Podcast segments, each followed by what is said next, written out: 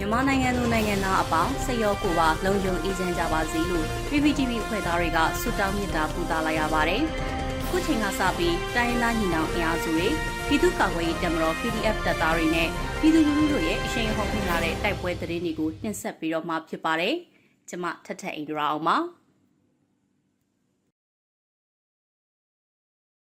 ပထမဦးစွာ ကရင်ပြည်နယ်မှာရှိတဲ့စစ်ကောင်စီတပ်စခန်းနှစ်ခုတိုက်ခိုက်သိမ်းပိုက်ခံရတဲ့တဲ့ရင်ကိုတင်ဆက်ပေးပါမယ်။ကရင်ပြည်နယ်မှာရှိတဲ့ကြာရင်စိတ်ကြီးမြို့နယ်ရှိစစ်ကောင်စီတပ်ခလာရ283တပ်ရင်ဖျားတောင်စခန်းကို KNL ပူးပေါင်းတပ်တွေကဒီကနေ့မှသိမ်းပိုက်လိုက်ပြီးဒုတပ်ရင်မှုအပါအဝင်17ဦးသေဆုံးကြောင်းလက်နက်73လက်ရရှိကြောင်း KNU တည်င်းရင်မြစ်ကဆိုပါတယ်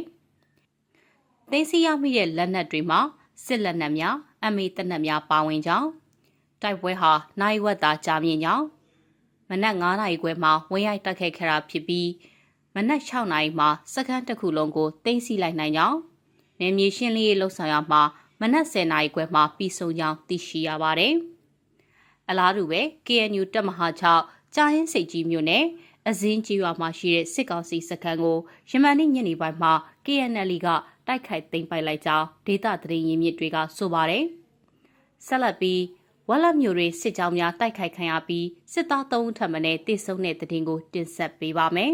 ။စကိုင်းတိုင်းဝက်လက်မျိုးနဲ့ရွာသားကြီးရွာအနီးလမ်းစုံမှာလမ်းသွားလမ်းလာတွေကိုစစ်ဆေးငွေညှစ်နေတဲ့အကြမ်းဖက်စစ်ကောင်စီတပ်ဖွဲ့ကိုစက်တင်ဘာလ26ရက်နေ့လယ်မှာမီးနဂပျောက်ကြားတပ်ဖွဲ့ကဒရုန်းနဲ့ပုံကျဲတိုက်ခိုက်ရာစစ်သား3ဦးသေဆုံးကြောင်းသတင်းရရှိပါတယ်။ အဆိုပါစစ်ကောင်စီတပ်ဖွဲ့ဟာဝက်လက်မြို့နယ်ရွာသားကြီးကြီးရွာကိုလက်နက်ကြီးနဲ့ပစ်ခတ်ကရွှေဘိုစကိုင်းကားလမ်းနဲ့အရတော်ဝက်လက်ကားလမ်းဆောင်မှာလမ်းသွားလမ်းလာတွေကိုချိန်ချောက်ငွေညှစ်နေတဲ့အဖွဲ့ဖြစ်ကြောင်းမိနဂပျောက်ကြားတပ်ဖွဲ့ကထုတ်ပြန်ထားပါတယ်။လမ်းသွားလမ်းလာတွေရဲ့ပြောပြချက်အရစစ်သားအလောင်း၃လောင်းကိုမျက်မြင်တွေ့ရှိရကြောင်းနဲ့မိနဂပျောက်ကြားတပ်ဖွဲ့ကအထီးအခိုက်မရှိစွတ်ခွာနိုင်ခဲ့ကြောင်းသတင်းရရှိပါတယ်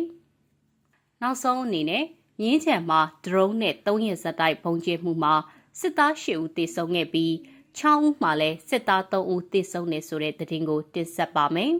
။မန္တလေးတိုင်းမြင်းချံမြို့နယ်ကြီးရွာတွေမှာအခြေချထားတဲ့စစ်တပ်ကိုစက်တင်ဘာလ25ရက်နေ့ကစတင်ပြီးယနေ့အချိန်ထိ3ရက်ဇက်တိုက်ဒရုန်းနဲ့ဆယ်ကြီးပုံကျဲတိုက်ခိုက်ခဲ့ရာစစ်သား၈ဦးသေဆုံးကြောင်းဒဏ်ရာများရရှိကြောင်း